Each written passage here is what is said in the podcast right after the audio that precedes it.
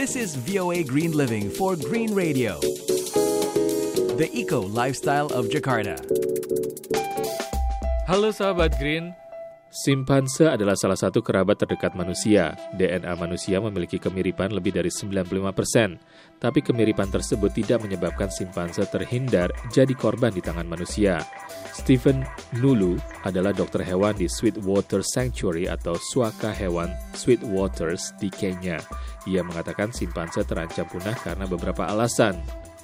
Dr. Nulu mengatakan, seperti perdagangan gading dan cula badak secara gelap, demikian pula perdagangan daging hewan liar, perdagangan kera besar, permintaan untuk kera sebagai hewan peliharaan, permintaan untuk kera sebagai hewan dalam sirkus, jadi itulah yang menyebabkan penurunan populasi mereka.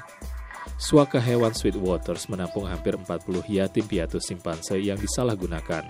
Situasi yang ideal, kata Dr. Nulu, adalah mengembalikan simpanse ke habitat mereka di alam liar. Dokter Nulu mengatakan mereka harusnya berada di lingkungan alam mereka, tapi kita sebagai manusia telah menghancurkannya. Simpanse sebelumnya berkeliaran bebas di seluruh Afrika Barat dan Tengah, tapi Jane Goodall Institute mengatakan populasi mereka telah berkurang menjadi hanya 150 ribu akibat perburuan dan perdagangan liar dan musnahnya habitat mereka. Dan sahabat Green, demikian informasi lingkungan hidup kali ini. Saya Ian Umar, segera pamit dari VOA Washington. Stay green on Green Radio.